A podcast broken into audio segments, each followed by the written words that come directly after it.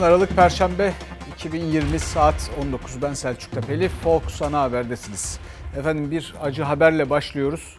Suriye'de Barış Pınarı Harekat Bölgesi'nde PKK-YPG'li teröristlerce düzenlenen bir bombalı araçlı saldırıda iki e, askerimiz şehit oldu. E, 8 askerimiz yaralandı. E, yaralılarımıza acil şifa dileyelim şehitlerimiz için. Hem Allah'tan rahmet dileyelim hem şimdiden yakınlarına başsağlığı dileyelim. Bu acıların tarifi yok. Ee, bugün bizim tabelamızda yok bu arada. Yani ne var ne yok bize yazabilirsiniz. Biz de vakit buldukça paylaşırız. Bu arada da e, başka acılar yaşıyoruz. Covid-19 salgınında can kaybımız artıyor.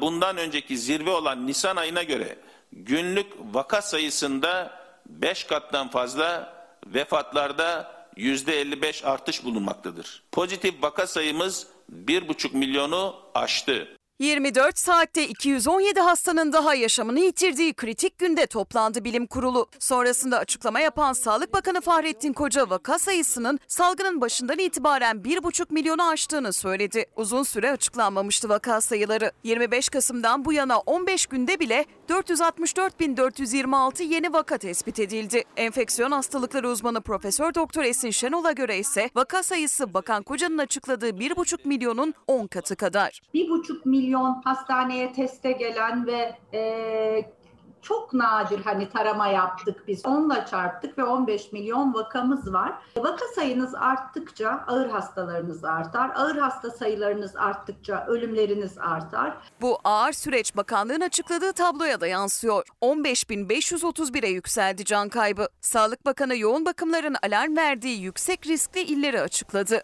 En üstte Hatay, Mersin, Adana, Antalya, Samsun, Ordu, İzmir.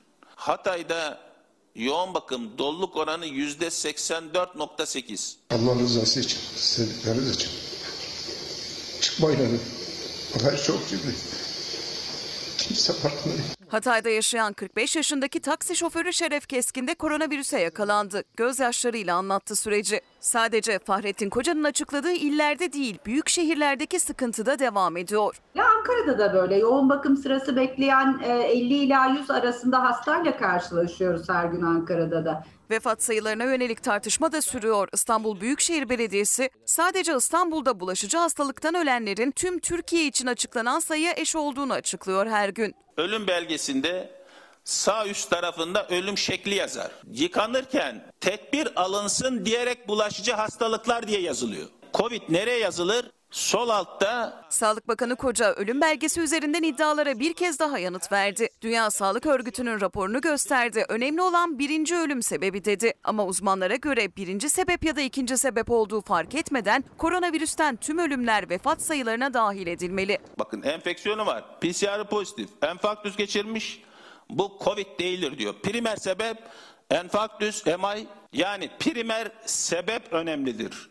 Covid veya influenza kolaylaştıran ikincil bir sebep olabilir. Yani Covid'den ölenlerin hepsine Covid yazılmalı mıydı? Tabii ki Covid ölümlerinin hepsi yazılmalı. Ayrıca tekrar tekrar söylüyorum, ölüm oranlarını yüksek göstermekten sakınmayan ve bunu paylaşan ülkeler salgın yönetiminde çok daha başarılı oldular. Bilim kurulu toplantısından yeni kısıtlama kararı da çıkmadı. Yılbaşında 3-4 günlük bir kapanma olup olmayacağına önümüzdeki hafta karar verilecek. Profesör Şenol'a göre ise 28 günlük tam kapanma şart. Bir çıkmaz sokakta olduğumuz için tam kapanma en az iki kuluçka süresi kadar tam kapanma gibi bir önleme gitmemiz lazım.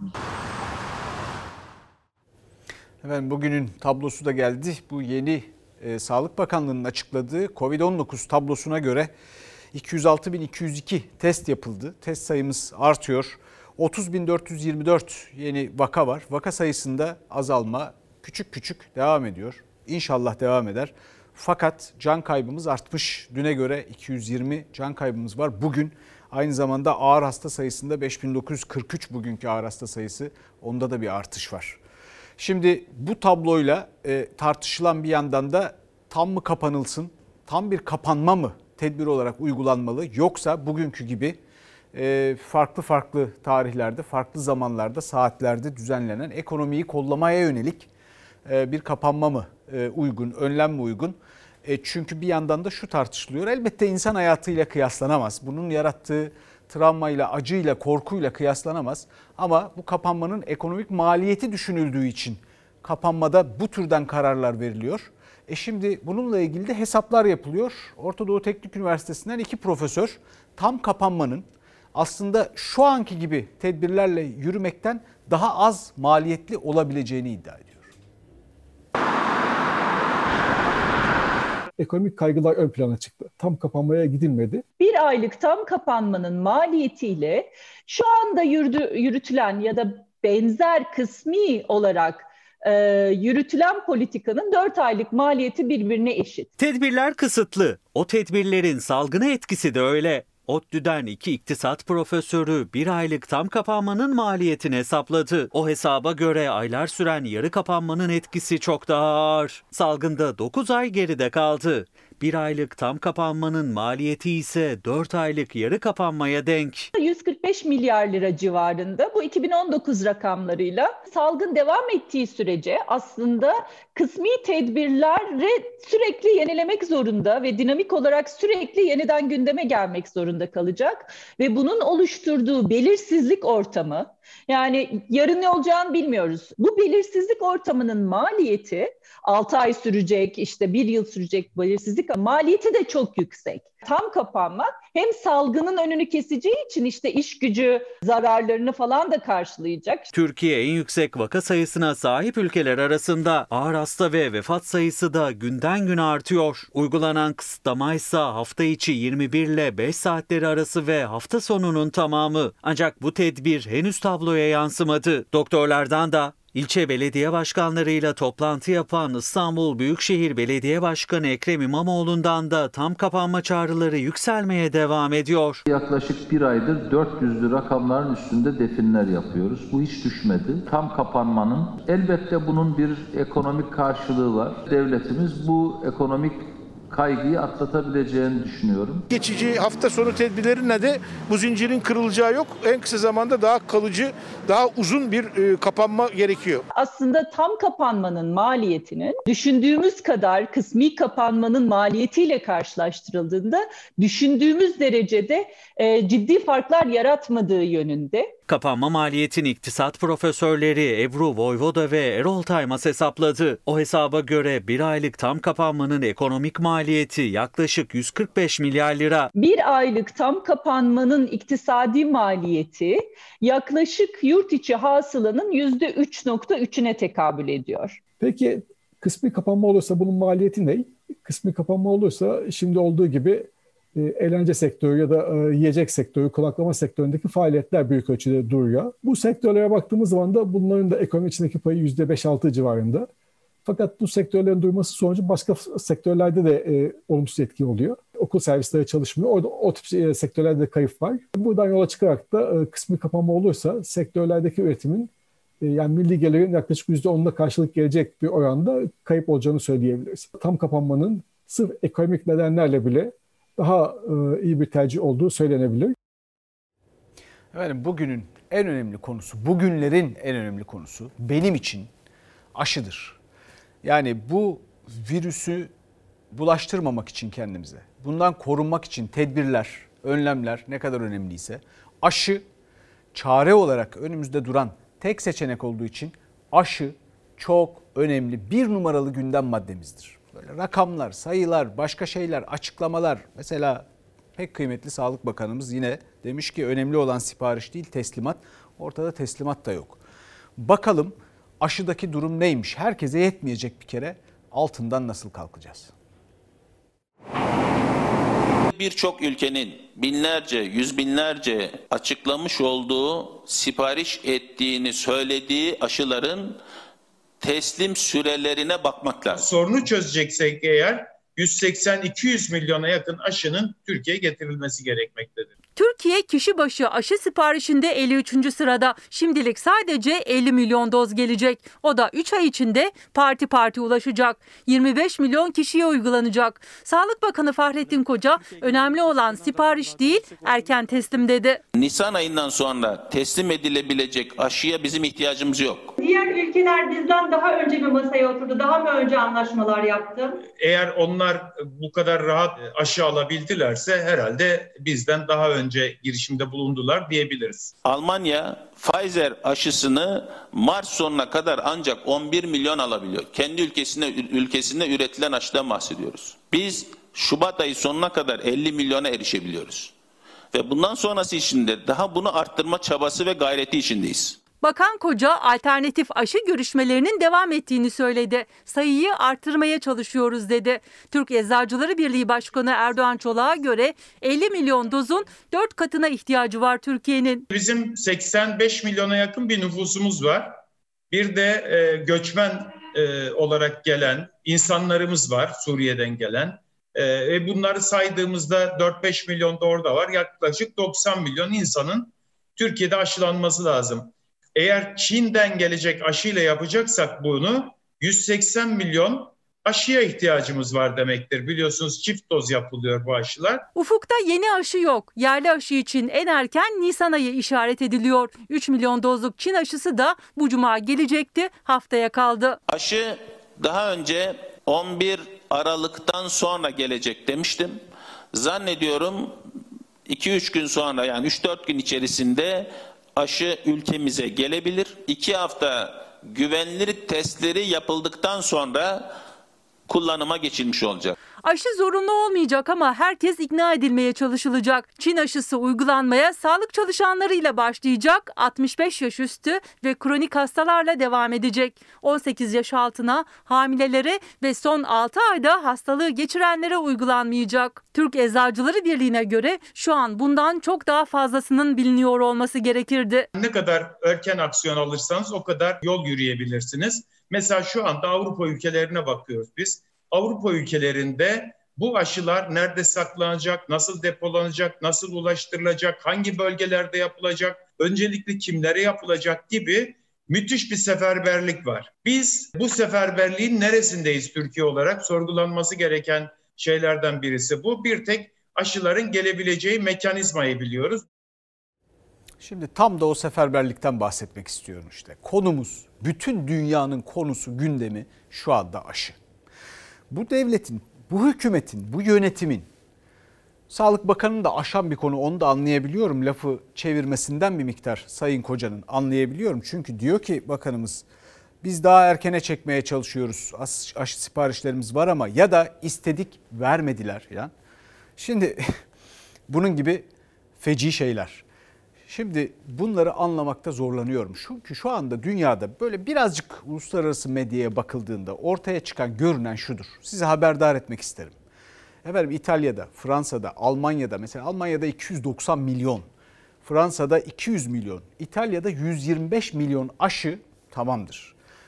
Bu aşılar peyderpey geliyor. Geldiği gibi şu anda bütün medya kime nerede nasıl aşı yapılacağının bilgilerini paylaşıyor detaylı bir biçimde. Mesela kronik rahatsızlığı olanları ayırabiliyorlar.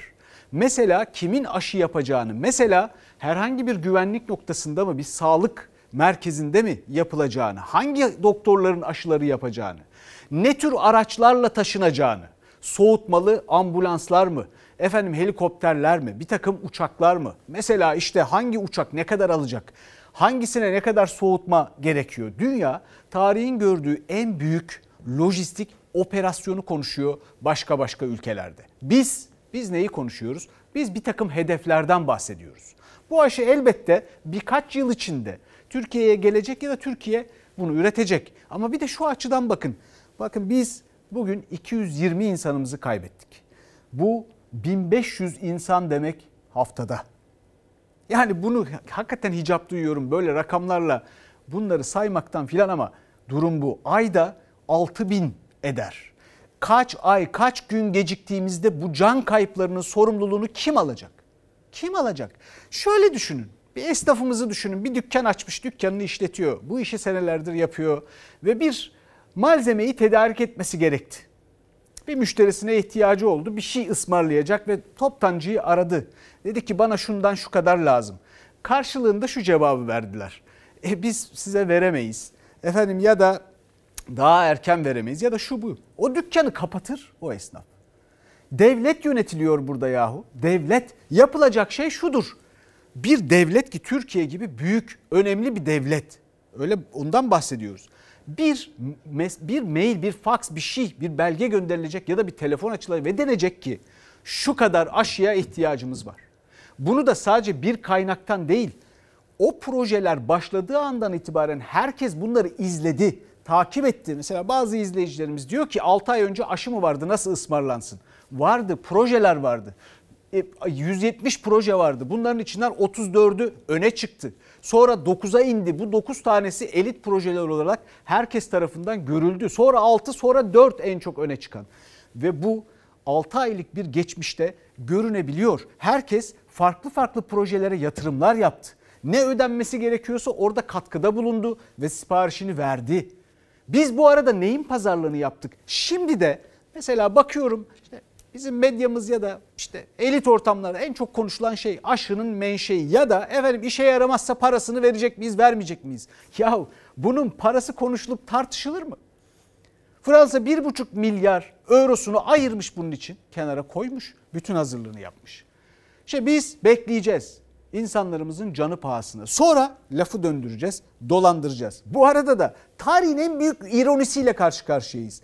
Şu anda bütün dünyada ilgi çekici, efendim merak edilen insanlar listesinde iki Türk birinci sırada. Birinci bütün dünyada. Bakın Amerika yeni başkanını seçti. Başkan yardımcısı ilk defa efendim işte e, Afro, Afro Afrikalı Asyalı bir hanımefendi. Kamala Harris.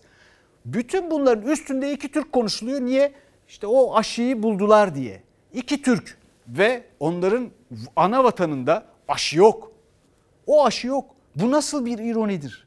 Ve bu planlanamamış. Efendim işte bakıyoruz ekonomide insanların hasarı giderilebilmiş mi? Hayır. Bir tedarimiz, bir paramız yok bugünlere için ayarladığımız, kenara koyduğumuz. Ölümler şu anda dünyada vakada ölümde nüfusa orantıladığımız zaman ilk üçteyiz. Efendim ulusal itibar ya rakamları filan yuvarladık ettik ne oldu? Ulusal itibarımızı sağladık mı? Aşı vermediler bize.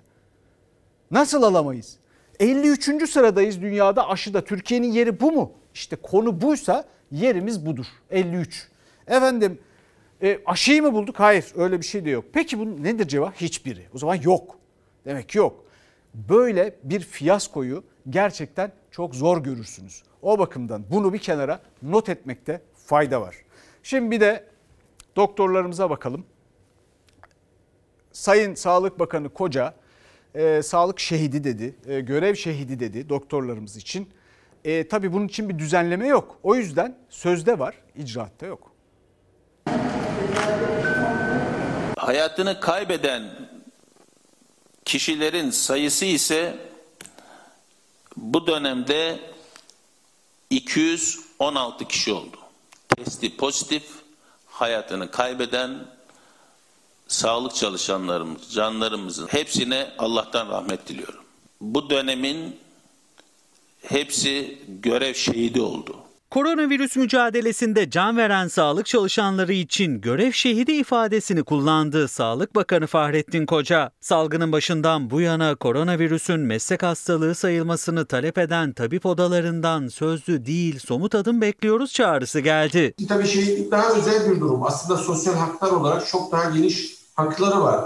Bunun için bir kanun e, gerekiyor açıkçası. Parlamentoda dile geçirilmiş bir takım öneriler de oldu. Ancak hiçbirisi hayata geçmedi. Şehidimiz de böyle sesi de titreyerek söyledi ama hani bunun gereğini yapması lazım. Benim de gönlümden şehit olarak geçmesi yatar. Bu tabii önümüzdeki günlerde gündeme gelebilecek bir konu. Sağlık Bakanı Koca Nisan ayında da şehit ifadesini kullanmıştı. Koronavirüsten yaşamını yitiren sağlık çalışanlarının yasal olarak da şehit sayılmaları için önümüzdeki günlerde gündeme gelebilir demişti. Aradan aylar geçti. 1 milyon 100 bin sağlık çalışanının 120 binden fazlasının virüse yakalandığını açıkladı Bakan Koca. 216'sı da yaşamını yitirdi. Bu dönemin hepsi görev şehidi oldu. Lafta kalacağına büyük oranda inanıyoruz. Aslında keşke kalmasa bu şey sayılması meselesi tabii daha bir üst kademe. Ancak daha kolay olanını, daha basit olanını hemen yapabilir. Bizim yasalarımızda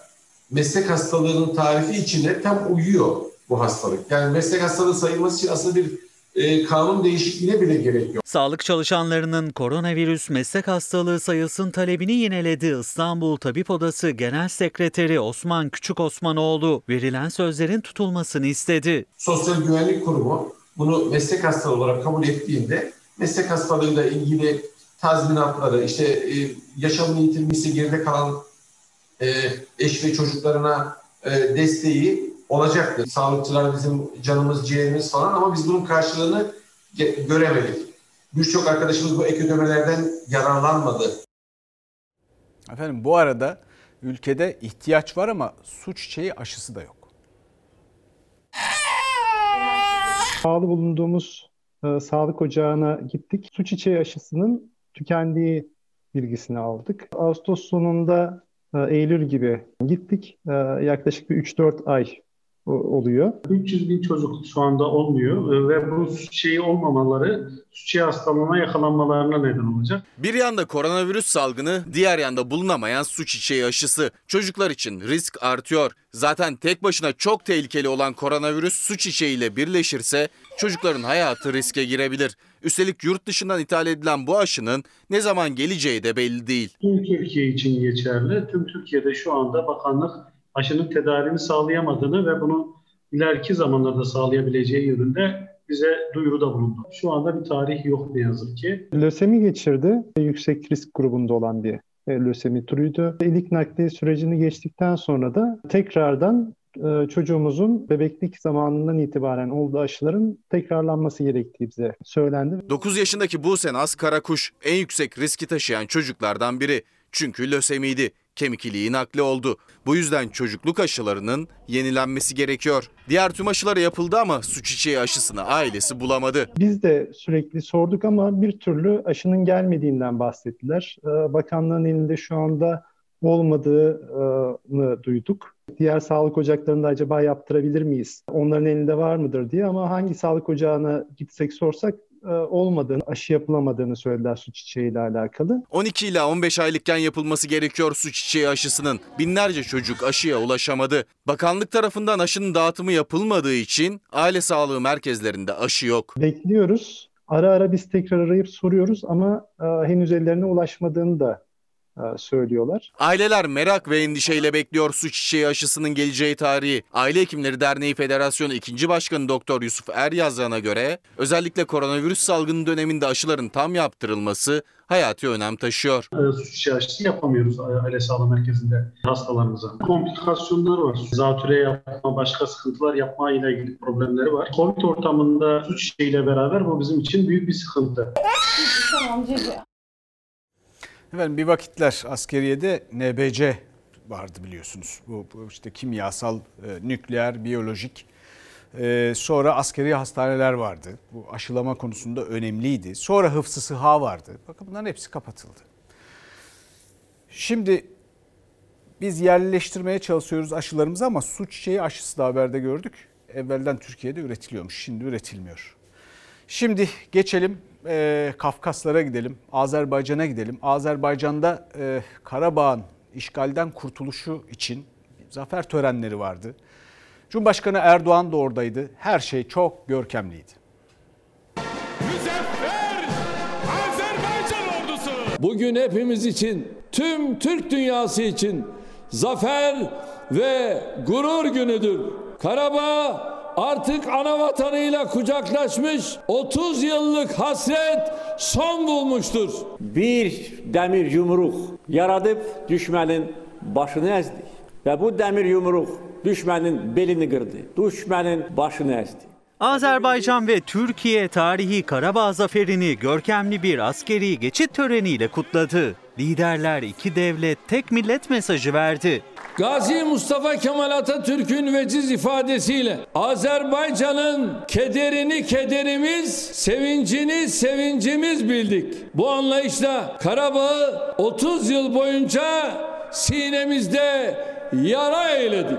Azerbaycan 44 günlük mücadelenin ardından Ermenistan'a hizmet yaşattı. İşgal altındaki Karabağ topraklarının bir bölümünü geri aldı. Bakü yönetimi zafer geçidi için Ermenistan'ın 10 Aralık'ta 1991'de Karabağ'da bağımsızlık referandumu yaptığı günü seçti. İki lider tören öncesi Azerbaycan'ın milli lideri Haydar Aliyev'in kabriyle Azerbaycan ve Türk şehitliğini ziyaret etti. Erdoğan Azatlık Meydanı'na giderken Azerbaycan halkının sevgi gösterileriyle karşılaştı. Karabağ Azerbaycan'dır. Eşk olsun Azerbaycan ordusuna, yaşasın Türkiye-Azerbaycan dostluğu kardeşliği. Erdoğan törende yaptığı konuşmada Ermenistan yönetimine mesaj verdi. Dağlık Karabağ yıkım, katliam ve gözyaşından başka hiçbir şey getirmeyenlerin de artık akıllarını başlarına toplaması gerekiyor. Geçit töreninde Bolu Komando Tugayı'na bağlı birlikler, mücadelede şehit düşen 2783 Azerbaycan askerinin anısına yürüdü. Birlikler daha önce Kıbrıs Barış Harekatı, Suriye ve Irak'taki operasyonlarda yine en önde olan sancağı taşıdı. Ne yakşı Türk var.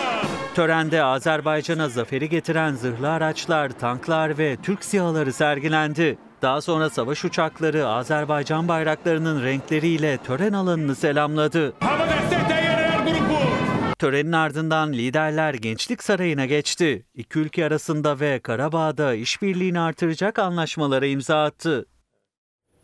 Karabağ'ın e, Ermenistan işgalinden kurtulması, kurtarılması önemli. Türkiye'nin Azerbaycan'a yardımı önemli. Oradaki görkemli bütün bu görüntüler önemli. Aynı zamanda Cumhurbaşkanı Erdoğan'ın Gazi Mustafa Kemal Atatürk'ten de alıntılar yaparak yaptığı konuşma önemli. Ee, önemli mesajlar var içinde aynı zamanda. Bir de e, gerekli adımlar atılırsa, e, yani Ermenistan'la kapıların kapalı kalması gerekmez dedi ve aynı zamanda bizim sorunumuz yönetimle, halkla değil dedi. Bu da mühim bir mesaj. Orada doğrular yapılıyor. Bunun da altını çizelim. Azerbaycan'da inşallah her şey çok daha iyi olur. Ee, şimdi bugünlerden hatırlamak isteyeceğimiz bir de bir görüntümüz var tabii. Ee, İlham Aliyev'in Azerbaycan e, Cumhurbaşkanı zaferden hemen sonra yaptığı konuşma. Onu bir kere daha hatırlayalım. Paşinyan ne oldu be? Bu ne oldu Paşinyan? Ne oldu Paşinyan? Yol çekirdin Ce Cebrail'a. Reks elirdi. Ne oldu be status? Cehenneme gitti status. Göre gitti status. İti qovan kimi qovacağıq ve qovmuşuq. İti qovan kimi qovmuşuq. Çok izlendi, çok hafızalara kazındı İlham Aliyev'in bu söyledikleri ve tarzı. Efendim şimdi Türkiye'ye dönelim, Türk siyasetine, Türkiye'deki siyasete, Ankara'ya dönelim. E, hukuk devleti olmadığımızın itirafı gibi sözler geldi Adalet Bakanı'ndan, Adalet Bakanı Sayın Gül'den. Zaman zaman önemli mesajlar veriyor. Ben adeta bir feryat gibi de görüyorum bunları. İlginç. Anayasa Mahkemesi kararları anayasaya göre bağlayıcıdır. Tüm kurumları bağlar, mahkemeleri bağlar. Anayasa Mahkemesi'nin Enis Berberoğlu ile ilgili aldığı hak ihlali kararını tetikçi bir mahkeme, yerel bir mahkemeyle bozdurttunuz ve Anayasa Mahkemesi'nin kararını hiçe saydırdınız. Siz Adalet Bakanı'nın cübbe giyerek Ağır Ceza Mahkemesi Başkanı'nı kaldırıp o cübbeyi ben giyeceğim, ben karar vereceğim demesini mi bekliyorsunuz? Adalet Bakanı Abdülhamit Gül, Anayasa Mahkemesi'nin kararlarına uyulmadığını, uymayan mahkeme heyetleri olduğunu kabul etti bu sözlerle ama cübbe giyip ben mi karar vereyim dedi. CHP Bakan'a Hakimler ve Savcılar Kurulu Başkanı sıfatını hatırlattı. Sayın Adalet Bakanı, Hakimler Savcılar Kurulu'nun başkanı kim? Sensin. Nasıl bu kadar pişkin, bu kadar yüzsüz olabilirsin? Her davaya göre o mahkemeden o mahkemeye atanan hakimlerle, savcılarla ilgili senin bir soruşturma açmak görevin değil mi kardeşim? Adalet Bakanlığı bütçesi görüşmelerinde CHP ve AK Partili vekilleri göğüs göğüse getiren tartışma yargı bağımsızlığıydı. Bir ihlal söz konusuysa bu ihlal yapan, bu kararı veren hakim ve savcıların terfisinde dikkate alınacak. Sayın Tanrıkulu yerinize oturur musunuz? Sezgin Bey. Sayın Tanrıkulu. Adalet Bakanı ahim ve AYM kararına uymayan hakim ve savcılara yaptırım getiren düzenleme yaptık deyince CHP'li Sezgin Tanrıkulu yerinden kalktı. Anayasa Mahkemesi kararlarına uyulmadığını söyledi. AK Partili vekiller de ayaklandı. AK Partili Hamza Dağ Tanrıkulu'nun üzerine yürüdü. Diğer vekiller girdi araya. Yumruklaşmanın eşiğinden dönüldü. Yargı bağımsızdır. Anayasa Mahkemesi kararları uygulanmıyor. Yerel mahkeme çıkıp diyor ki ben dinlemiyorum seni. Reddediyor. Kalkıp da biz o cübbeyi giyerek yargı yerine geçip karar veremeyiz. Adalet Bakanı hakimlerin tavrından ve tutumundan rahatsız. Ama burada yapması gereken şikayet etmek yerine Anayasa Mahkemesi'ni kararı tanımayan hakim hakkında soruşturma başlatmak. Muhalefet Adalet Bakanı'na aynı zamanda Hakimler Savcılar Kurulu Başkanı olmasını hatırlattı. Anayasa Mahkemesi kararlarına uymayan hakimlerle ilgili HSK'nın yaptırım gücü var dedi. Şeriat her şeyin üzerindedir. Yani hukuk her şeyin üzerindedir. Şeriat bizim hukukumuzdur. Genel hukukumuzdur. Ve mecliste büyük ses getiren AK Partili Cengiz Aydoğdu'nun şeriat çıkışı. Şeriat bizim hukukumuzdur sözü. Cumhuriyetinde şeriat hukuku değil, adaletli, medeni hukuk geçerlidir. AK Partili vekil kurduğu cümleyi inkar etti ama o sözde Adalet Bakanı Abdülhamit Gül'ün Anayasa Mahkemesi kararları bağlayıcıdır, uymayan hakimin cübbesini giyip karar veremem sözü de tutanaklara geçti. Efendim birkaç e, mesaj izleyicilerimizden okumak isterim. E, Bir izleyicimiz demiş ki kullanmadığımız elektriğe, geçmediğimiz köprüye, hiç görmediğimiz havalimanına para ödediğimize ve buna etkin bir ses yok olduğuna göre dünyanın en zengin halkı biziz. Bir başka izleyicimiz de e, pek çok şey, aslında pek çok izleyicimiz umut yok. Yani pek çok konuyu dile getirerek sonunu umut yok diyerek bağlamış. Efendim umut daima vardır. Hele söz konusu olan Türkiye ise, Türk milleti ise umut daima vardır. Hatta bir şey daha söyleyeyim. Korkudan daha kuvvetli tek bir duygu vardır. O da umuttur. Bunu asla unutmayın. Ee, şimdi e, bir de Ankara'da devam eden yargıya talimat tartışması var. Hakim dediğiniz şu ne der bu ne der değil. Dosyadaki deliller ne der diye ona bakar ona göre karar verir. Ben inanıyorum ki bizim yargımız Selahattin Demirtaş gibi bir teröriste böyle bir imkan hazırlamaz. Tehdit ediyor. Onu kim serbest bırakırsa gö- gösteririm ben ona diye. Cumhurbaşkanı Erdoğan'ın Selahattin Demirtaş için kurduğu cümleler muhalefet kanadında bir kez daha yargıya talimat olarak yankılandı. Adalet Bakanı da yargıya talimat iddialarına Meclis Genel Kurulu'ndan ses verdi ama sözleri muhalefeti ikna etmedi. Eğer şu kişi ne der diyorsa kusura bakmayın o kişi hakim değildir, savcı değildir, yargı mensubu değildir. Talimat bile değil. Talimat ile emir arasında bir nüans vardır. Bu bir emirdir. İşte bu nedenle rehindir. Çocuk mu kandırıyorlar bunlar?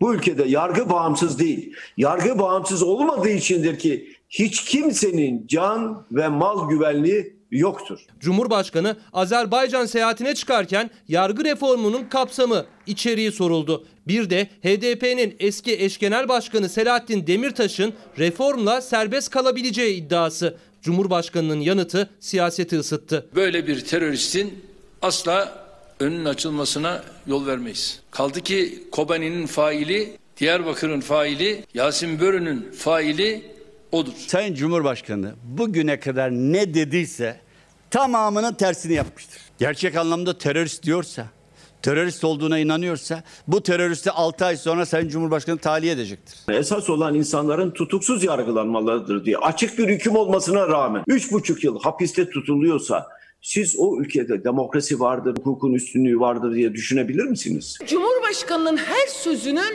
yerine getirildiğini gayet iyi biliyoruz. Var mı bir ana yiğit hakim savcı? Çıkıp bunun karşısında Demirtaş'ı bıraksın. Gerçekten tek adam rejimi. Hangi yargıç bağımsız karar veriyor? Gözünü dikmiş yukarıya. Acaba yukarıdan talimat gelirse nasıl yapacağım? Bu anlayış kim söylüyorsa bu konuda savcılıklara suç duyurusunda bulunmanızı da sizlere tavsiye ediyorum. Öyle bir hakim olmaz, öyle bir savcı olmaz. Muhalefet Cumhurbaşkanı yargıya talimat veriyor derken Adalet Bakanı Abdülhamit Gül elinizde belge varsa suç duyurusunda bulunun diyerek yanıt verdi. Yargı reformu da yargıya talimat iddiaları da uzun süre tartışılacak gibi. Efendim hukukla biraz ilgilenen herkes bu tür konuşmalarda yargıya müdahale e, manası çıkacağına dair yorum yapabilir, eleştiride bulunabilir bütün dünyada. Herkesin gözü önünde oluyor her şey. Şimdi biliyorsunuz 10 Aralık 2016'da bir terör saldırısıyla e, Dolmabahçe'de şehit olan yurttaşlarımız, vatandaşlarımız vardı. E, hala incilenen bir şehit babasına ödeme var.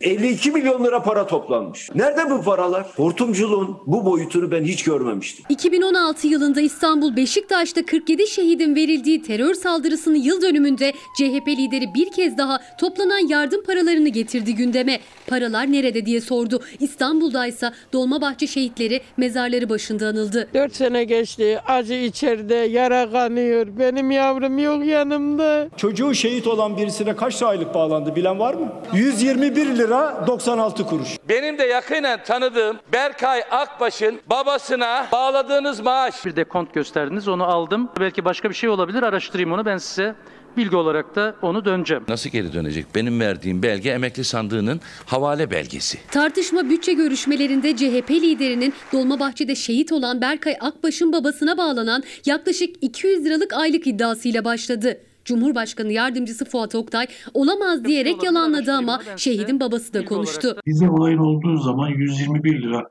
civarında bir rakamla maaş bağlandı. Paranın miktarı bugün 195 liralara geldi. Senin vicdanın bunu evet diyor mu ya? Şehidin ailesine şu kadar para bağladınız diye, verdiniz diye itiraz ettiler. Malatya milletvekili. Eğer bu rakamı dedim ben kanıtlarsam sen ayrılacak mısın? Kanıtladık onu. Bizlere olayın oluşundan hemen sonra 33.620 lira gibi bir rakamla tazminat ödeyeceklerini ancak bu tazminatı ödeyebilmeleri için de tüm haklarımızı aldığımıza dair bir sulhnameyi imzalamamız gerektiğini ifade ettiler.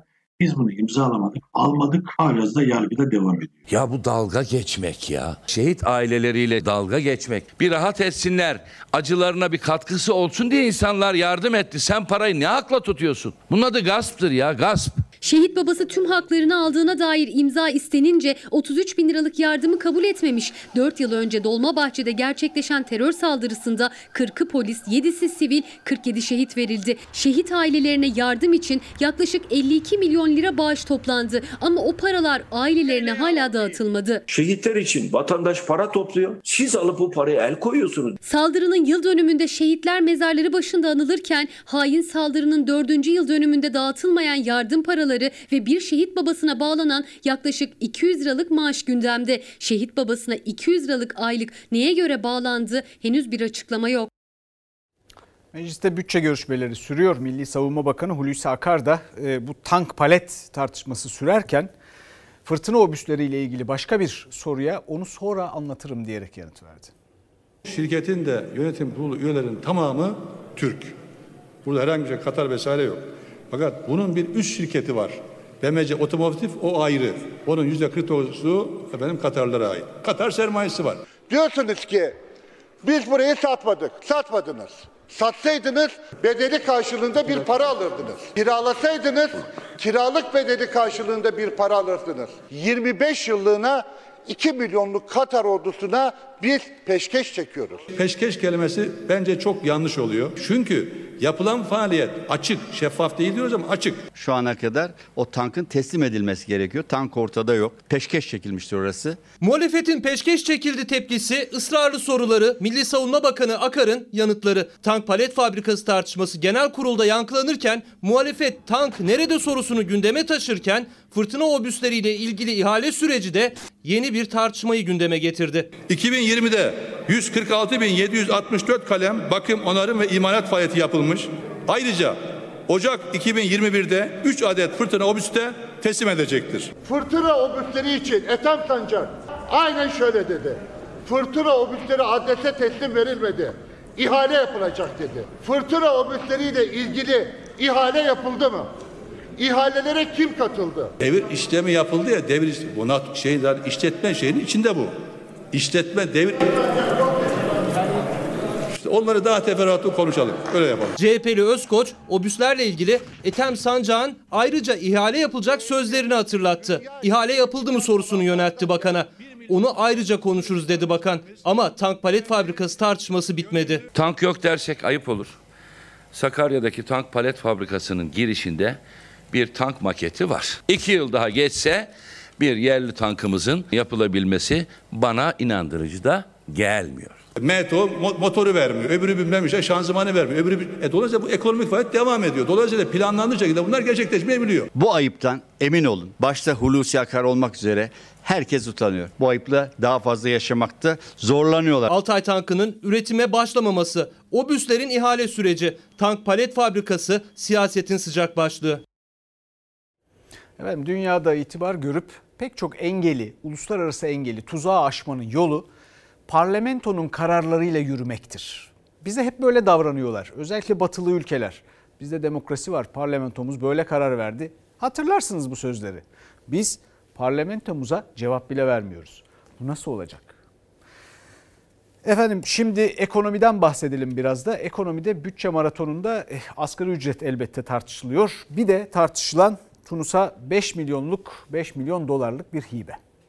Ne kadar zam yapmalı diye düşünüyorsanız sorun yanınızdaki Sayın Enerji Bakanı'na elektriğe ve doğalgaza ne kadar zam yapmış öğrenin o kadar da siz asgari ücrete zam yapın.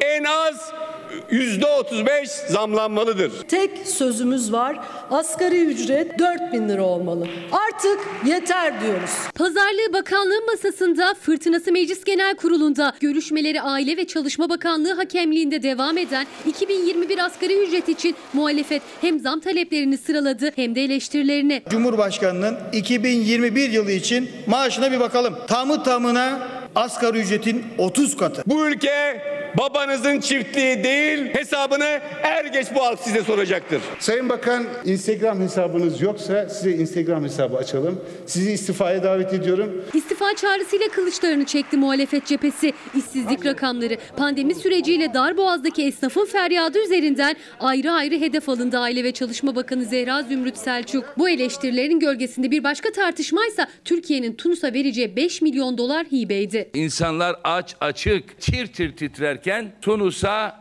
5 milyon dolar para gönderiyor. Erdoğan'ın Birleşmiş Milletler'de Türkse yapması için yardım adı altında göndermek ucubeliktir. Türkiye'de vatandaşı yaşatma değil süründürme moduna geçti. Şehir hastaneleri, şirket hastaneleri. Ya bu kadar büyük bir yükten Türkiye'yi kurtarmak kimin içine gelir? Medyaskop TV'de Ruşen Çakır'ın konuğu olan CHP lideri Kemal Kılıçdaroğlu da bir kez daha kamu özel işbirliği çerçevesinde yapılan yap işlet devlet projelerini kamulaştıracağız sözü verdi. Kamulaştırma modelini anlattı. Önce bunu kaça yaptın kardeşim? 1 liralık iş 5 liraya yazılmış mı yazılmamış mı? Kaç lira kardeşim bu kalem karını da vereceğim. Bundan sonra artık bunu devlet çalıştıracak. Efendim şimdi e, işsizlik rakamları da açıklandı. İşin ilginci hem istihdamın hem de işsizliğin düşüyor olması. Yani suyun hem eriyip hem donması gibi bir şey bu aynı anda. Ne iş olursa başvurdum. Yani sadece iş olsun başvurdum ama dönüş yapmıyorlar yani 45 TL son para. İş bulana kadar mı? Öyle, öyle, öyle idare edeceğiz. Cebinde son parası ve artık yitirmeye başladığı umuduyla iş kurum kapısını çalıyor aylardır. Sadece Hayrettin Tekin değil 4 milyon 16 bin kişi işsiz. TÜİK'e göre ise işsizlik salgın döneminde yine düştü. Ağustos ayında %13,2 idi, Eylül'de %12,7'ye geriledi. İşsizlik düşebilir mi ya? İmkan ihtimal yok yani. O sadece e, dönemsel olarak karşılaştırmalı bir düşüş veriyorlar ama genel olarak işsizlik çok yüksek. TÜİK'in ilan ettiğinden de en az %50 daha yüksek. İşsizlik sayısı daha da fazla oldu. Yani şu anda belki burada çevirmişsinizdir yani birkaç kişi. Yani şuraya gelip gidenin haddi hesabı yok. Ben burada kaç saat beklediğim günü biliyorum ayaküstü. İşsizlik oranı düşüyor ama istihdam da düşüyor. Böyle dönemlerde oranlara değil sayılara bakılır. Böyle dönemlerde oranlar değil sayılar önemlidir. Sayılara baktığımızda geçtiğimiz sene yaklaşık 28,5 milyon insan çalışıyorken Türkiye'de bugün 27 milyon 700 bin insan çalışıyor gözüküyor. Eylül ayında istihdam oranı 2 puan azaldı. Aynı ay işsizliğin de düşmesi ekonomi uzmanlarına göre sadece kağıt üstünde kaldı. Bir de bu işlerin içerisinde neredeyse 6 milyona yaklaşmış ücretsiz izin ve kısa çalışma ödeneğinde olan vatandaşımız var. Yani ne olmuş aslında 6 milyon riskli vatandaş var, işi riskli olan. 757 bin işini kaybetmiş var. E zaten 4 milyonda işsizimiz var. Oldu size 10 milyon. Gençlerde de işsizlik %26,1'den %24,3'e geriledi. Genç nüfusta da işsizlik oranı bir önceki yılın aynı dönemine göre azaldı ancak istihdamda geriledi. İşkur önlerindeki manzara ise aynı. Yine kağıt üzerindeki rakamlarla örtüşmedi. Ne kadar süredir iş arayışınız devam İki yıldır. Üstelik gençlerin iş bulma süreleri de salgın nedeniyle uzuyor. Üniversite hatta yüksek lisans mezunu olmakta fark etmiyor. En fazla sorun yaşayan kitle de gençler. Çünkü işletmelerin yetiştirilmek üzere eleman almayı arzu etmedikleri bir dönemdeyiz. Büro memurluğuna başvurdum. Hani sekreter, büro memurluğu. Yüksek lisans mezunuyum. Dershanelerde, kurslarda öğretmenlik yaptım. Rehberlik öğretmenliği, felsefe grubu öğretmenliği yaptım. Türkiye nüfusuna bakıldığında insanları için yeterince iş üretemiyor. Ve vasıflı iş üretemiyor, vasıflı insan da üretemiyor. Bu, bu ülkenin gelişemeyeceği anlamına gelir. Hayal görmemek lazım, bunu çözmek lazım. Şimdi bir ara. Evet o zaman bitirirken biraz umut diyelim. Evet bir salgınla boğuşuyoruz ama sağlık çalışanlarımız, doktorlarımız, hemşirelerimiz, hasta bakıcılarımız, ambulans görevlilerimiz fedakarca çalışıyor. Onlara güveniyoruz. Gençlerimiz var pırıl pırıl. Onlara da güveniyoruz. Ve bu arada bir medeniyetimiz var. Bakın büyük bir yazardan alıntı yapalım. Bir medeniyet bir bütündür. Bizim medeni- medeniyetimiz de tamdır. Arada eksiklikler hissederiz falan filan fakat bu kesintiye uğramaz. Yani öyle bir şeydir ki bu nasıl elimiz, ayağımız, kulağımız bulunduğunu düşünmeden bu uzuvlarla yaşarsak medeniyetimizin unsurlarıyla da öyle yaşarız. Ve bu önemlidir. Bu bize yarın için ümit vermelidir. Türkiye yarın dünyayı yine aydınlatır. Aydınlatmışlığı vardır. Bizden bu akşamlık bu kadar. Bizden sonra Mucize Doktor var. Yeni bölümüyle yarın görüşmek üzere. Dağlarda kuzusuna kurdular Yunus'una